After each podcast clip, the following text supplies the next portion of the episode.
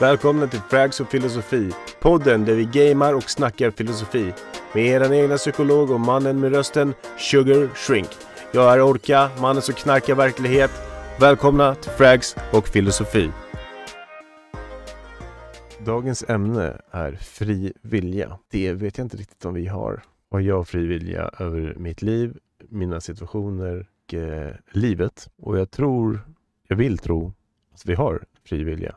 Okej. Okay. Och sen tänker jag ur psykologiskt perspektiv när man Mm. har, när ens kropp och liksom beteende skaffar ett eh, tvångssyndrom. Precis.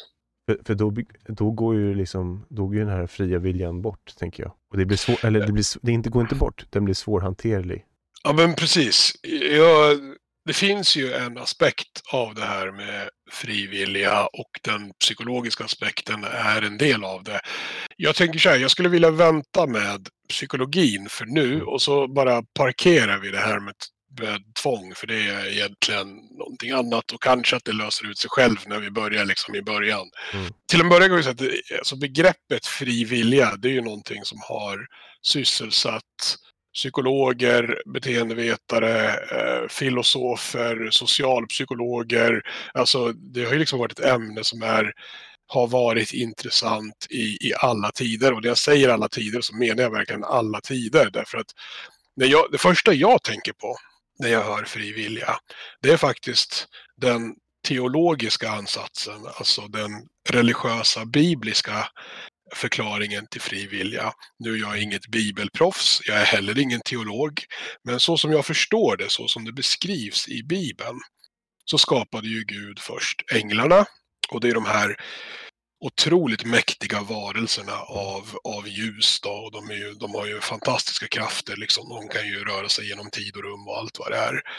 Och så skapade han ju människorna därefter och sen tror jag att det är så att både i judendomen och islam så eller om det är kristendomen också, så vill ju eh, Gud att änglarna ska eh, knäböja för människan. Det är det här som sägs skapa den stora konflikten där Lucifer, en av änglarna, vägrar och blir förkastad liksom från himlen av Gud för att han vägrar knäböja inför en varelse som han upplever är mindre värd eller liksom mindre kompetent än honom. Mm.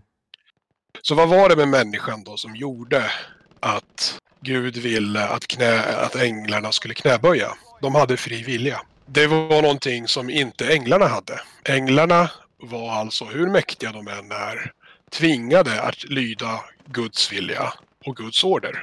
Ja. Men inte människorna. Det var ett medvetet val som människor kunde göra och det här gjorde de liksom på något sätt för mer än änglarna. Det gav dem ett skillset, eh, en uppsättning verktyg att fungera som änglarna saknade.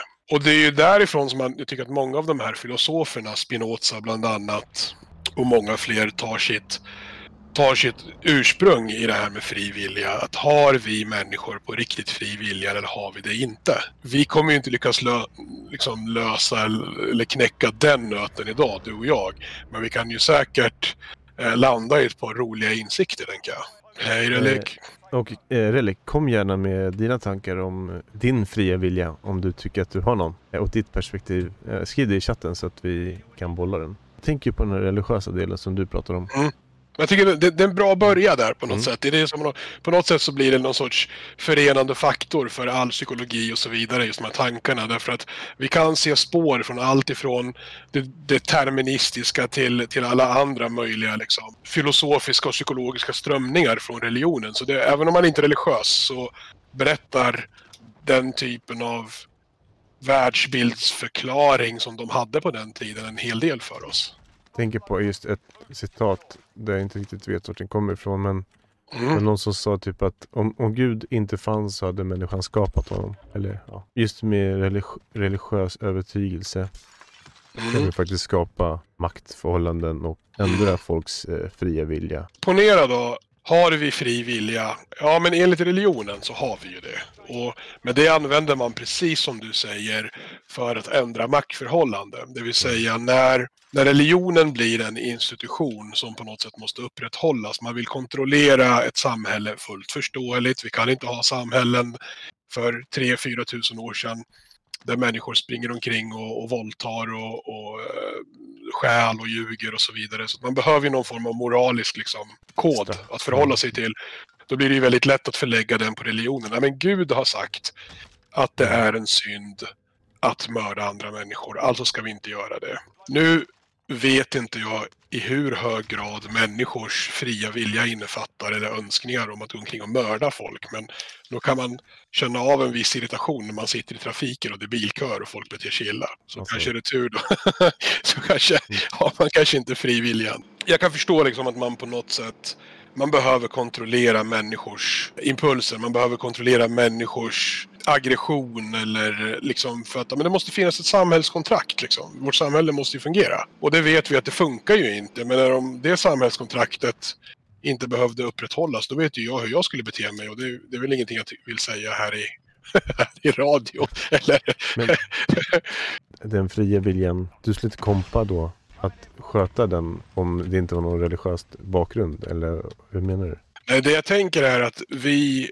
Jag har liksom inte landat någon riktigt bra tanke kring hur jag tänker kring det. Därför att skulle vi, skulle vi analysera begreppet fri vilja utifrån religionen, ja, men där har vi redan fått svaret. Det säger ju att ja, men vi har, vi har eh, fri vilja. Det har vi. Eh, skulle du utifrån många psykologiska teorier försöka analysera begreppet så skulle du säga att det har vi inte alls. Utan vårt beteende, våra känslor och hur vi funkar, det är en konsekvens av olika typer av hand, alltså olika saker och erfarenheter som vi är med om. Är du med? Ja. Sen tror jag väl inte psykologin helt tar ifrån oss um, den fria viljan, absolut inte.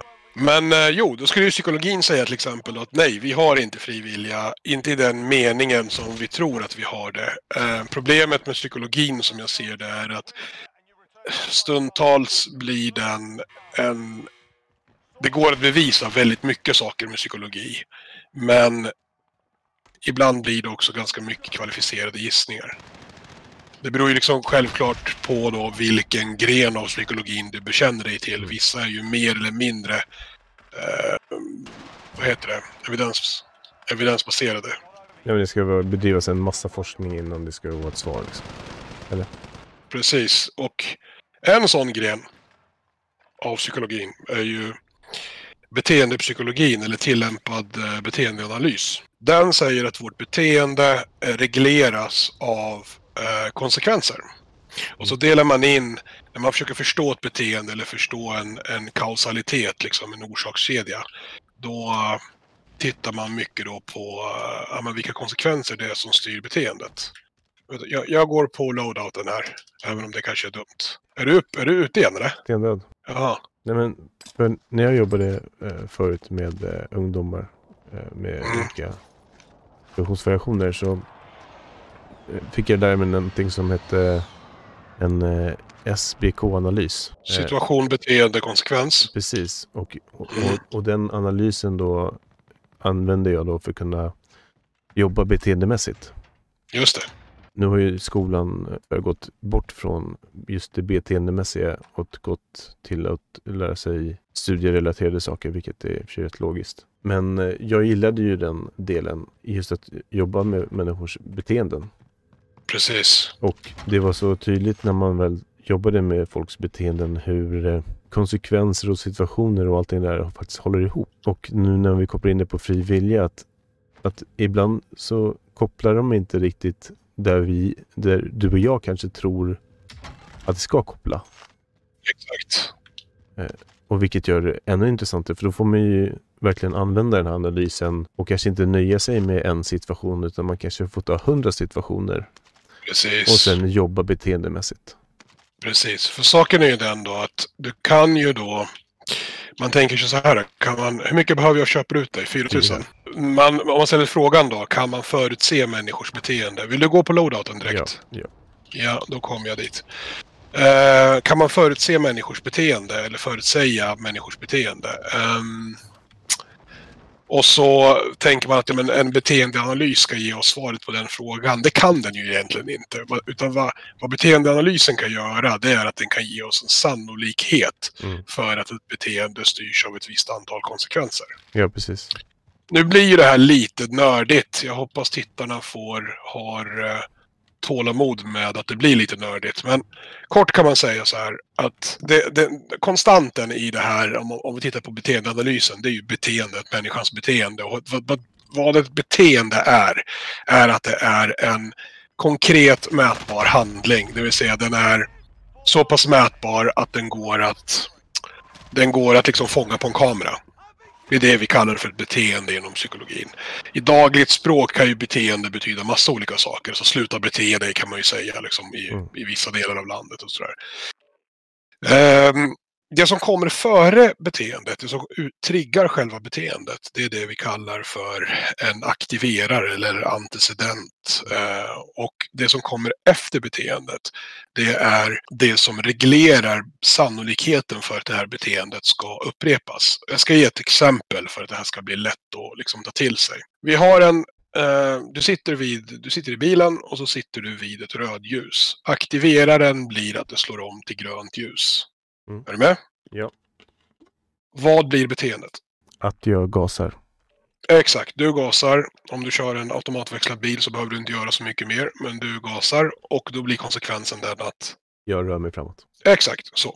Vi tar ett annat exempel. Du sitter framför ett, ett stearinljus. Eh, aktiveraren i det här fallet är en inre tanke. Alltså aktiverare, det kan ju bara både vara yttre och inre faktorer. Eh, och i det här fallet så blir aktiveraren någonting som gör dig väldigt nyfiken. Beteendet blir då att du, eller så här, vi säger så här då. Du, aktiveraren i det här fallet är att du får en fundering på, undrar hur det känns att stoppa fingret i ljuslågan. Ja, och det tror jag alla ungdomar, människor. Ja, absolut. Ja, ja, gud. Det är därför jag tar de här exemplen. För att de är så himla generella. Så att de flesta ska kunna känna igen sig i dem.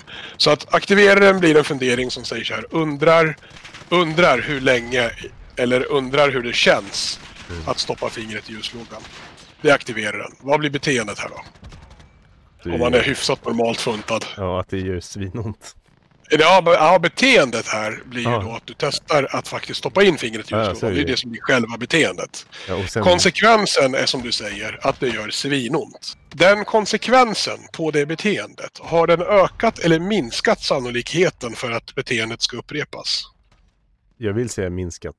Exakt, så är det ju. Därför att de flesta av oss känner någonstans att aj, aj, aj, det där gjorde ont, det vill jag inte göra om. Mm. Men, och då är det för att jag tänkte så här, ökar man så gör man något saker flera gånger och minskar det så gör man det inte så många gånger. Precis, om konsekvensen är sådan att det var nice, att du tyckte om konsekvensen, då kommer den att öka sannolikheten för att beteendet upprepas. Eller hur? Och det låter ju ganska okomplicerat och trevligt, eller hur? Ja, men nicea konsekvenser medför nicea beteenden.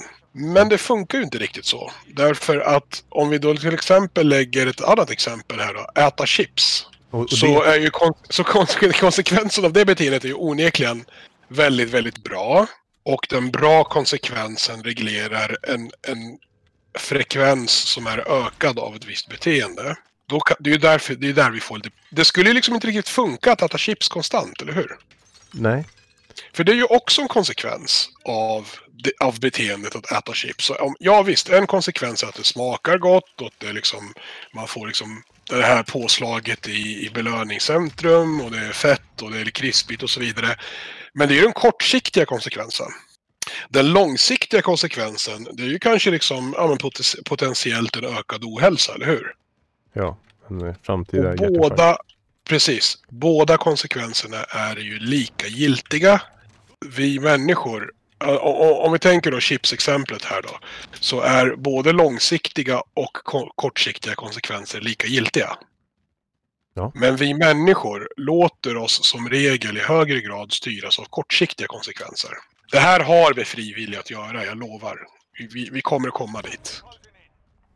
Men poäng, min poäng är i alla fall är att när vi, när vi tittar då på men, människors beteenden, människors handlingar, så skulle psykologin säga ett, eller i alla fall inte psykologin, men beteendeanalysen, Mm. även om den i, i, och för sig inte behandlar begreppet fri vilja, säga att nej, vårt beteende, våra tankar, våra känslor.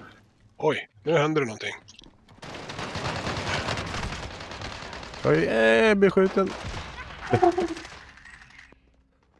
Boja! Sådär man gör. 2025 levererar alltså. nu fick han. De fick smaka på konsekvenserna och skjuta på mig. Exakt. Här, ta en platta här så att du inte är helt utan. Ehm, de fick smaka på konsekvensen av att bli flankerade av mig i ryggen. Ehm, men i alla fall, vi agerar på kortsiktiga konsekvenser och det här, det är det här som är hela förklaringen till att ja, men människor kör för fort till exempel. Därför att vi då har gjort är ju att vi har agerat på den kortsiktiga njutningen av att komma fram fortare eller hur det känns att köra bil för fort och så vidare. Det är det här som gör att vi människor kanske inte tänker efter två eller tre gånger innan vi gör vissa saker vi får ångra sen, alltså saker man säger till, du vet, under ett gräl. Mm. Kan man ju ibland sådär med någon man tycker om, kan man ju ibland så här efteråt tänka, nej fan det där, jag skulle inte ha sagt det där alltså. Det var, det var ju inte bra. Vet du vilken känsla jag menar? Ja, absolut. Eh, ång- Att-. Man är jättearg under ett gräl så säger man någonting och så liksom efteråt så bara, nej det där var ju inte schysst alltså, varför sa jag sådär? Det är ju därför att man har ju agerat på den kortsiktiga konsekvensen av att just där och då i stunden så kändes det bra att göra den här grejen. Säga det där man sa eller, eller eh, göra det där man gjorde liksom. Men vad vi då är ju då att apropå då fri vilja, då är vi liksom under inflytande av vår ilska eller att man kanske är sårad eller något sånt där va. Eh, men jag tänker på just frivilliga och kortvariga belöningar. Att man gör ju det rätt ra- rationellt och gör det utan att riktigt tänka efter så som du säger. Vi, är ju rätt, vi tänker ju oftast kortsiktigt för att det belönar Mm. snabbast. Så är det ju. Ja, och när man kanske kör bil fort för att komma fram fort. Men man tänker inte på alltså, vad som kan hända som kan bli liksom att du kanske dör eller fan vad som helst. Alltså, Precis. och det blir den precis. långvariga konsekvensen. Hur jobbar vi för att förbättra att folk tänker i långsiktig konsekvens angående fri, sin fria vilja? Med att, Mm. just med att typ så här, för att med åldern, alltså när man är fem, som är en viss fas i ditt liv, då finns ju inte de här konsekvenserna samma sak som, eh, alltså kontra när vi är 30-50 bast. För att vi har ju lärt oss av konsekvenserna sedan tidigare. Det är lite kul att du tar just den åldern som exempel därför att det finns ett väldigt berömt eh, experiment som jag tror att vi kan ha berört här i podden tidigare. Eh, Marshmallow-experimentet, har du hört talas om det? Ja, det har man ju Ja. faktiskt provat på sina barn. Ja men precis, exakt. Att så här, du, du kan ta den här marshmallon nu men om du väntar 10 minuter så får du två marshmallows istället Mm. eller så många du vill. Liksom. Och att hur barn i en viss ålder faktiskt saknar förmågan att vänta. Jag har faktiskt eh, kollat lite på den här forskningen Mm. och det är så kul när, eh, för, och, de, och när de som faktiskt klarar av att inte äta den, Mm. de, lyckas, de lyckas liksom bättre i typ skolan och grejer. Ja, precis. Så att impulskontroll. Ja, Och vad, och vad är det om inte... Vad är det om att inte åsidosätta sin fria vilja? Därför att viljan måste ju någonstans rimligtvis vara att go bananas över den här marshmallowsen som finns på bordet, eller hur? ja, för alla vi vill äta chips. Så Alla det, det, det, exakt. Det, som, det finns forskningsbelägg på det. Liksom. Jag, jag tänker så här att vi, vi måste betrakta chips som någon sorts generiskt liksom, begrepp för allt man nu gillar. Någon kanske går igång på semlor, någon kanske hatar chips, chips men gillar lösgodis. Någon annan tycker att lösgodis är det äckligaste som finns men älskar kaffe. Alltså, Mm. whatever floats your boat någonstans. Ja, you Alltså, do you, som man säger. Exakt, you do you. Vad du än gillar, sätt insert i det här resonemanget. Det behöver inte vara chips. Vi på Frags, på Frags och filosofi, vi älskar ju chips. Alltså, Så vi är oss chips. vårt- vi är chips faktiskt. Jag är eh, bacon och cheddar-chips i stort Mm. sett. Krispiga. Hur som helst, så, eh, precis, så sa du så här då att jo men vid fem års ålder så finns inte de konsekvenserna och som vuxen så finns de konsekvenserna. Men då tänker jag så här. Ja, med lite träning så kan de flesta av oss träna oss i att faktiskt fokusera på de långsiktiga konsekvenserna snarare än de långsiktiga konsekvenserna. Ska vi vara petiga så är det egentligen det terapi handlar om. Mm.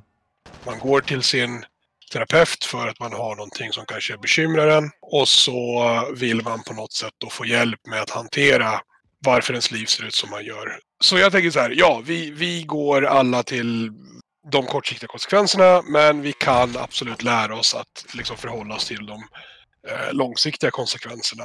Och därigenom skulle man ju på något sätt kunna säga att vi både ökar vår förmåga till fri vilja men också faktiskt minskar den. Det är klart att jag, om jag fick välja, skulle äta god mat varje dag, skippa träning och så vidare. Vilket är ganska intressant det där. Därför att ni vet när man är inne i sånt här att man har gått ner sig i skov. Så man har inte tränat på länge, man är hängig, man är trött, man är lite överviktig. Det enda man vill göra, eller så här, jag har en period när ljuset försvinner där i oktober och i Norrbotten, då tro mig det blir väldigt mörkt här uppe så vill jag inget annat än att ligga liksom på soffan i fosterställning och äta kolhydrater.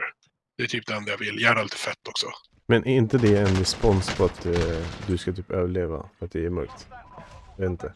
Ja, det är kanske, så kanske det är. Men det intressanta är att när våren kommer, ljuset kommer tillbaka och jag tänker att men gud, det kan inte se ut så här. Jag måste börja träna, jag måste gå ner i vikt. Då blir liksom min trigger träningen istället. Kan jag, nu, kan, nu har man ju inte kunnat träna på gym på grund av corona, men i en normal vardag där man faktiskt kunde gå på gymmet utan att behöva bekymra sig om vilket virus man drog på sig. Eh, då blir ju det det man vill göra istället. Förstår du vad jag menar? Den här mm. kicken, mm. det här endorfinruset man får efter träningen. Man längtar till gymmet.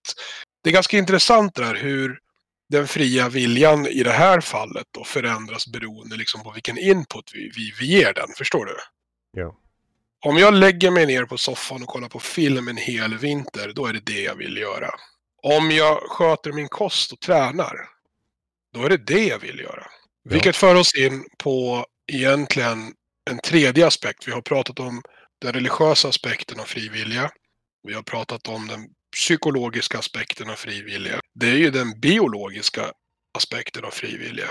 Om fri, så här, har vi fri vilja eller är våra handlingar, våra tankar, våra känslor, våra beteenden en konsekvens, en, en, en följd av hormoner?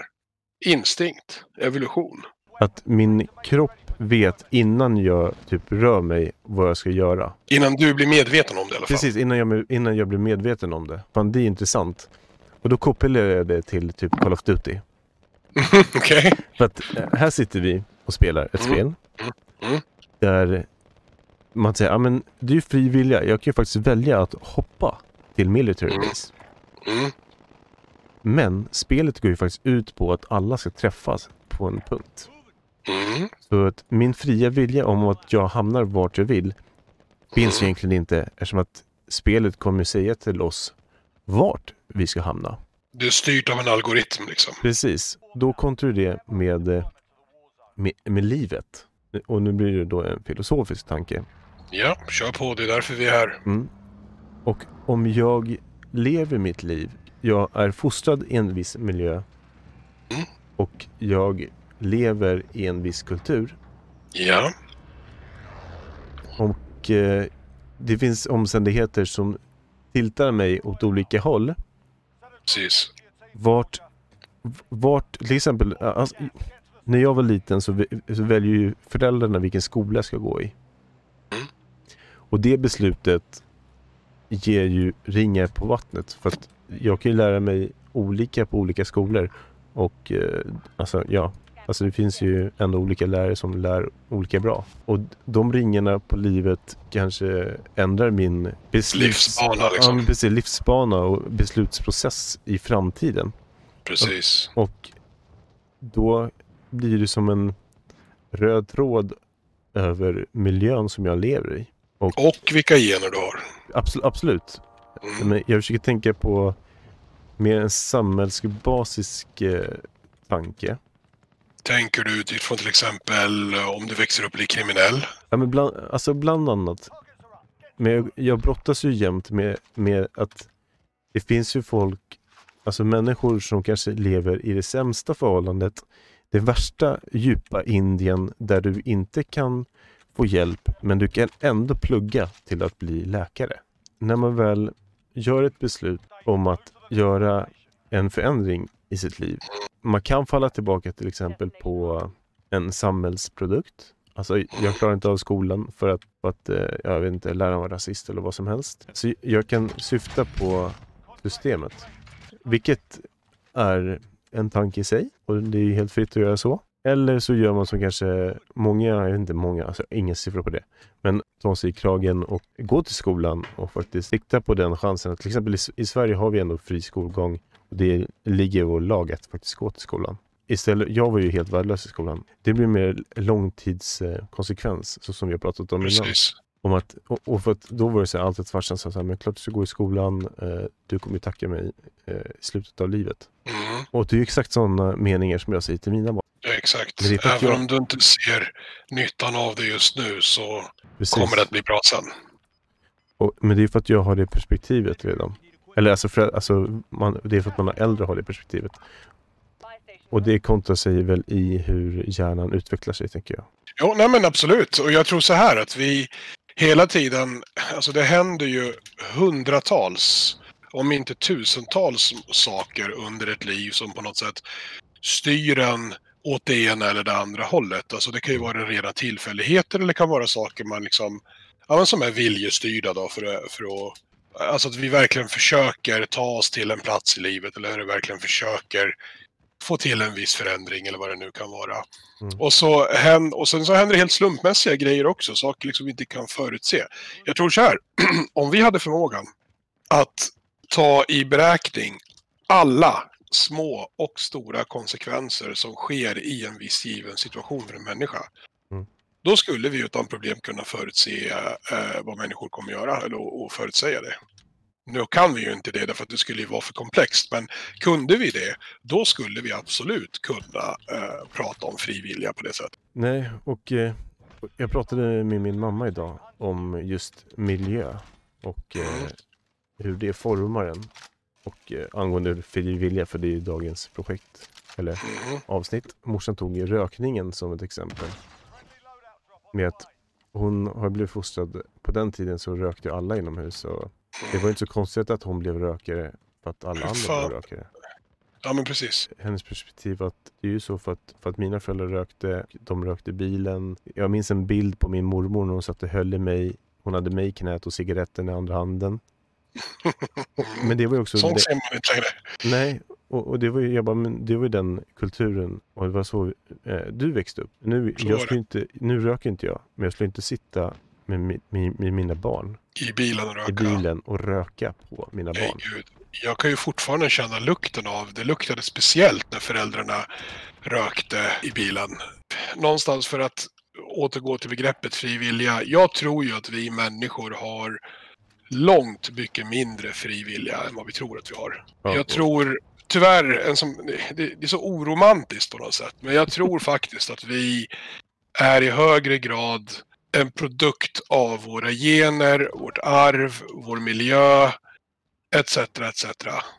Än att vi är någon sorts, liksom på något sätt, de här intellektuella varelsen med, med, med, med fri vilja. För tänk så här, djur, har djur fri vilja? Eh, det skulle jag nästan vilja påstå. Eller det, hur vet vi det? Exakt. Nej, men jag tror att, okej, men ha, på något sätt, har då djur fri vilja? Vet vi det? Nej, men det kan vi kanske inte veta. Men vad skiljer oss från djuren? Vad är det som gör att människor har fri vilja och lyckas lösgöra sig från eh, basala fysiska behov eller Mm. konsekvenser eller vad det nu är? Är inte vi egentligen lika lättdresserade som vilket djur som helst? Jag vill ju säga så här, ja det beror ju på intelligensen. jo, precis.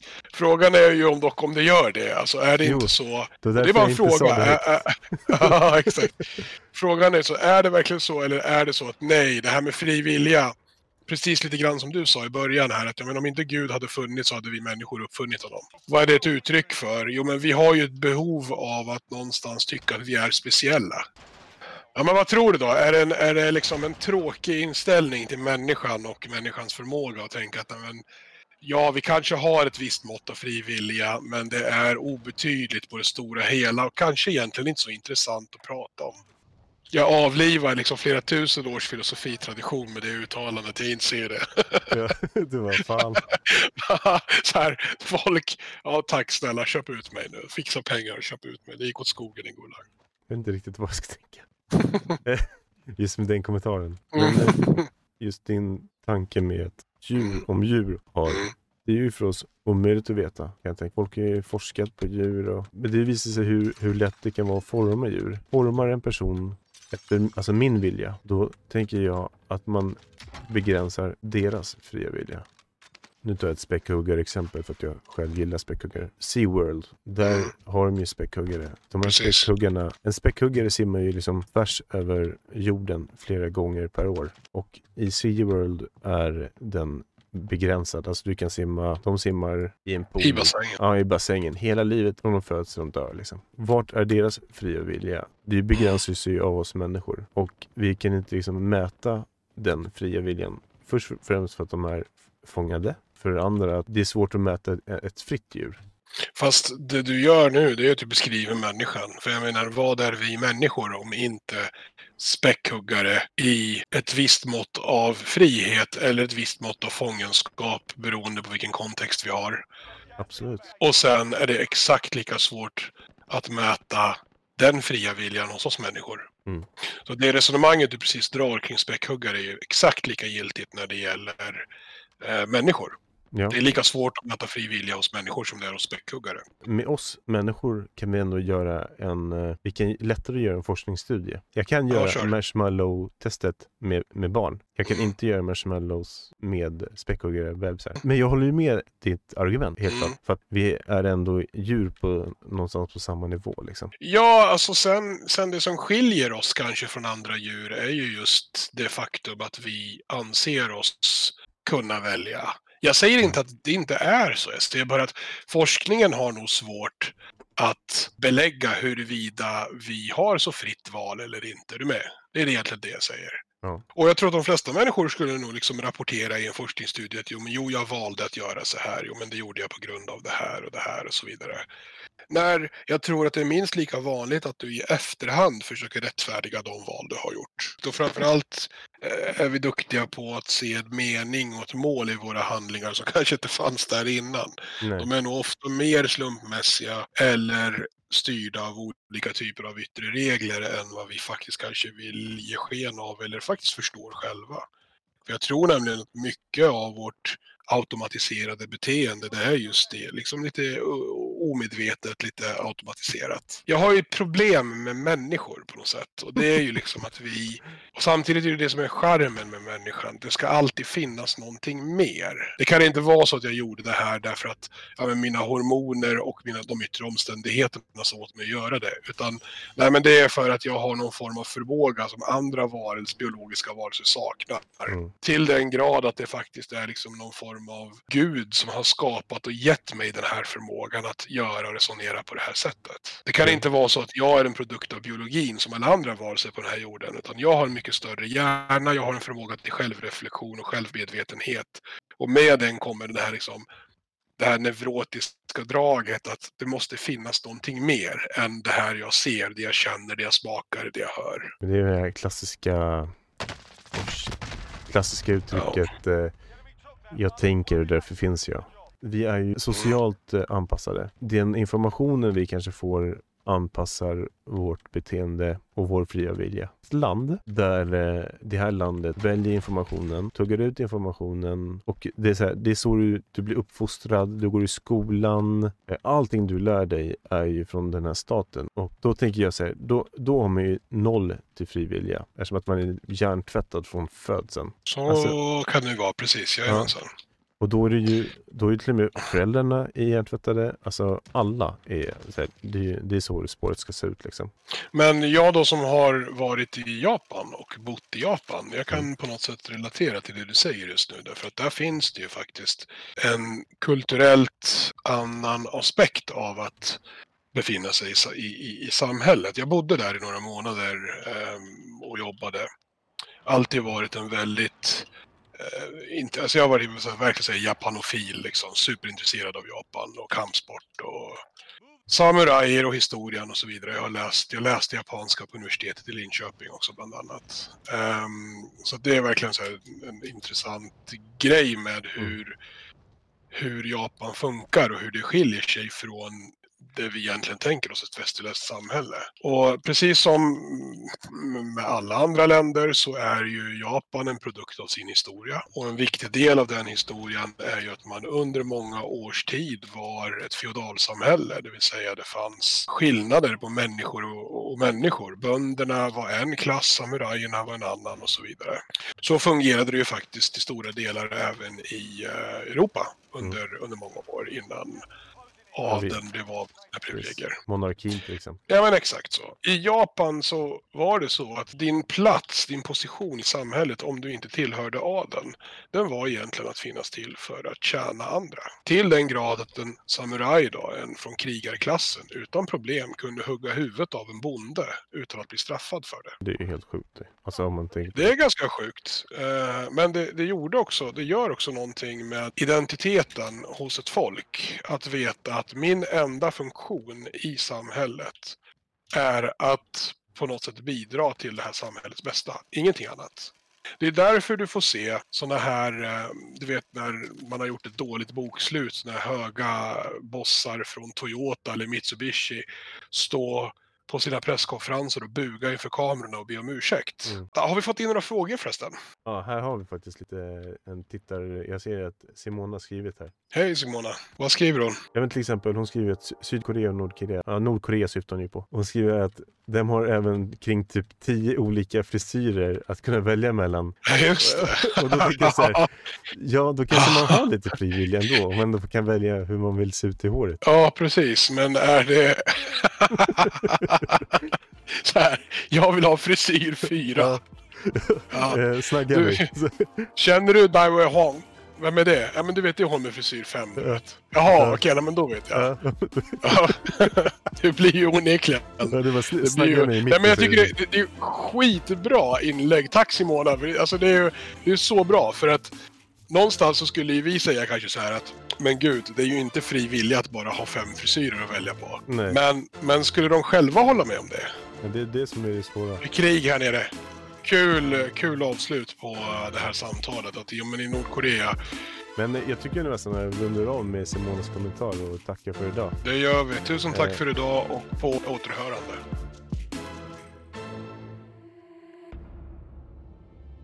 Tack för att du har lyssnat på Frags och filosofi. Dessa avsnitt spelas in live på Twitch. Och vill du vara med i nästa avsnitt, skriv i chatten eller spela med oss som gäst.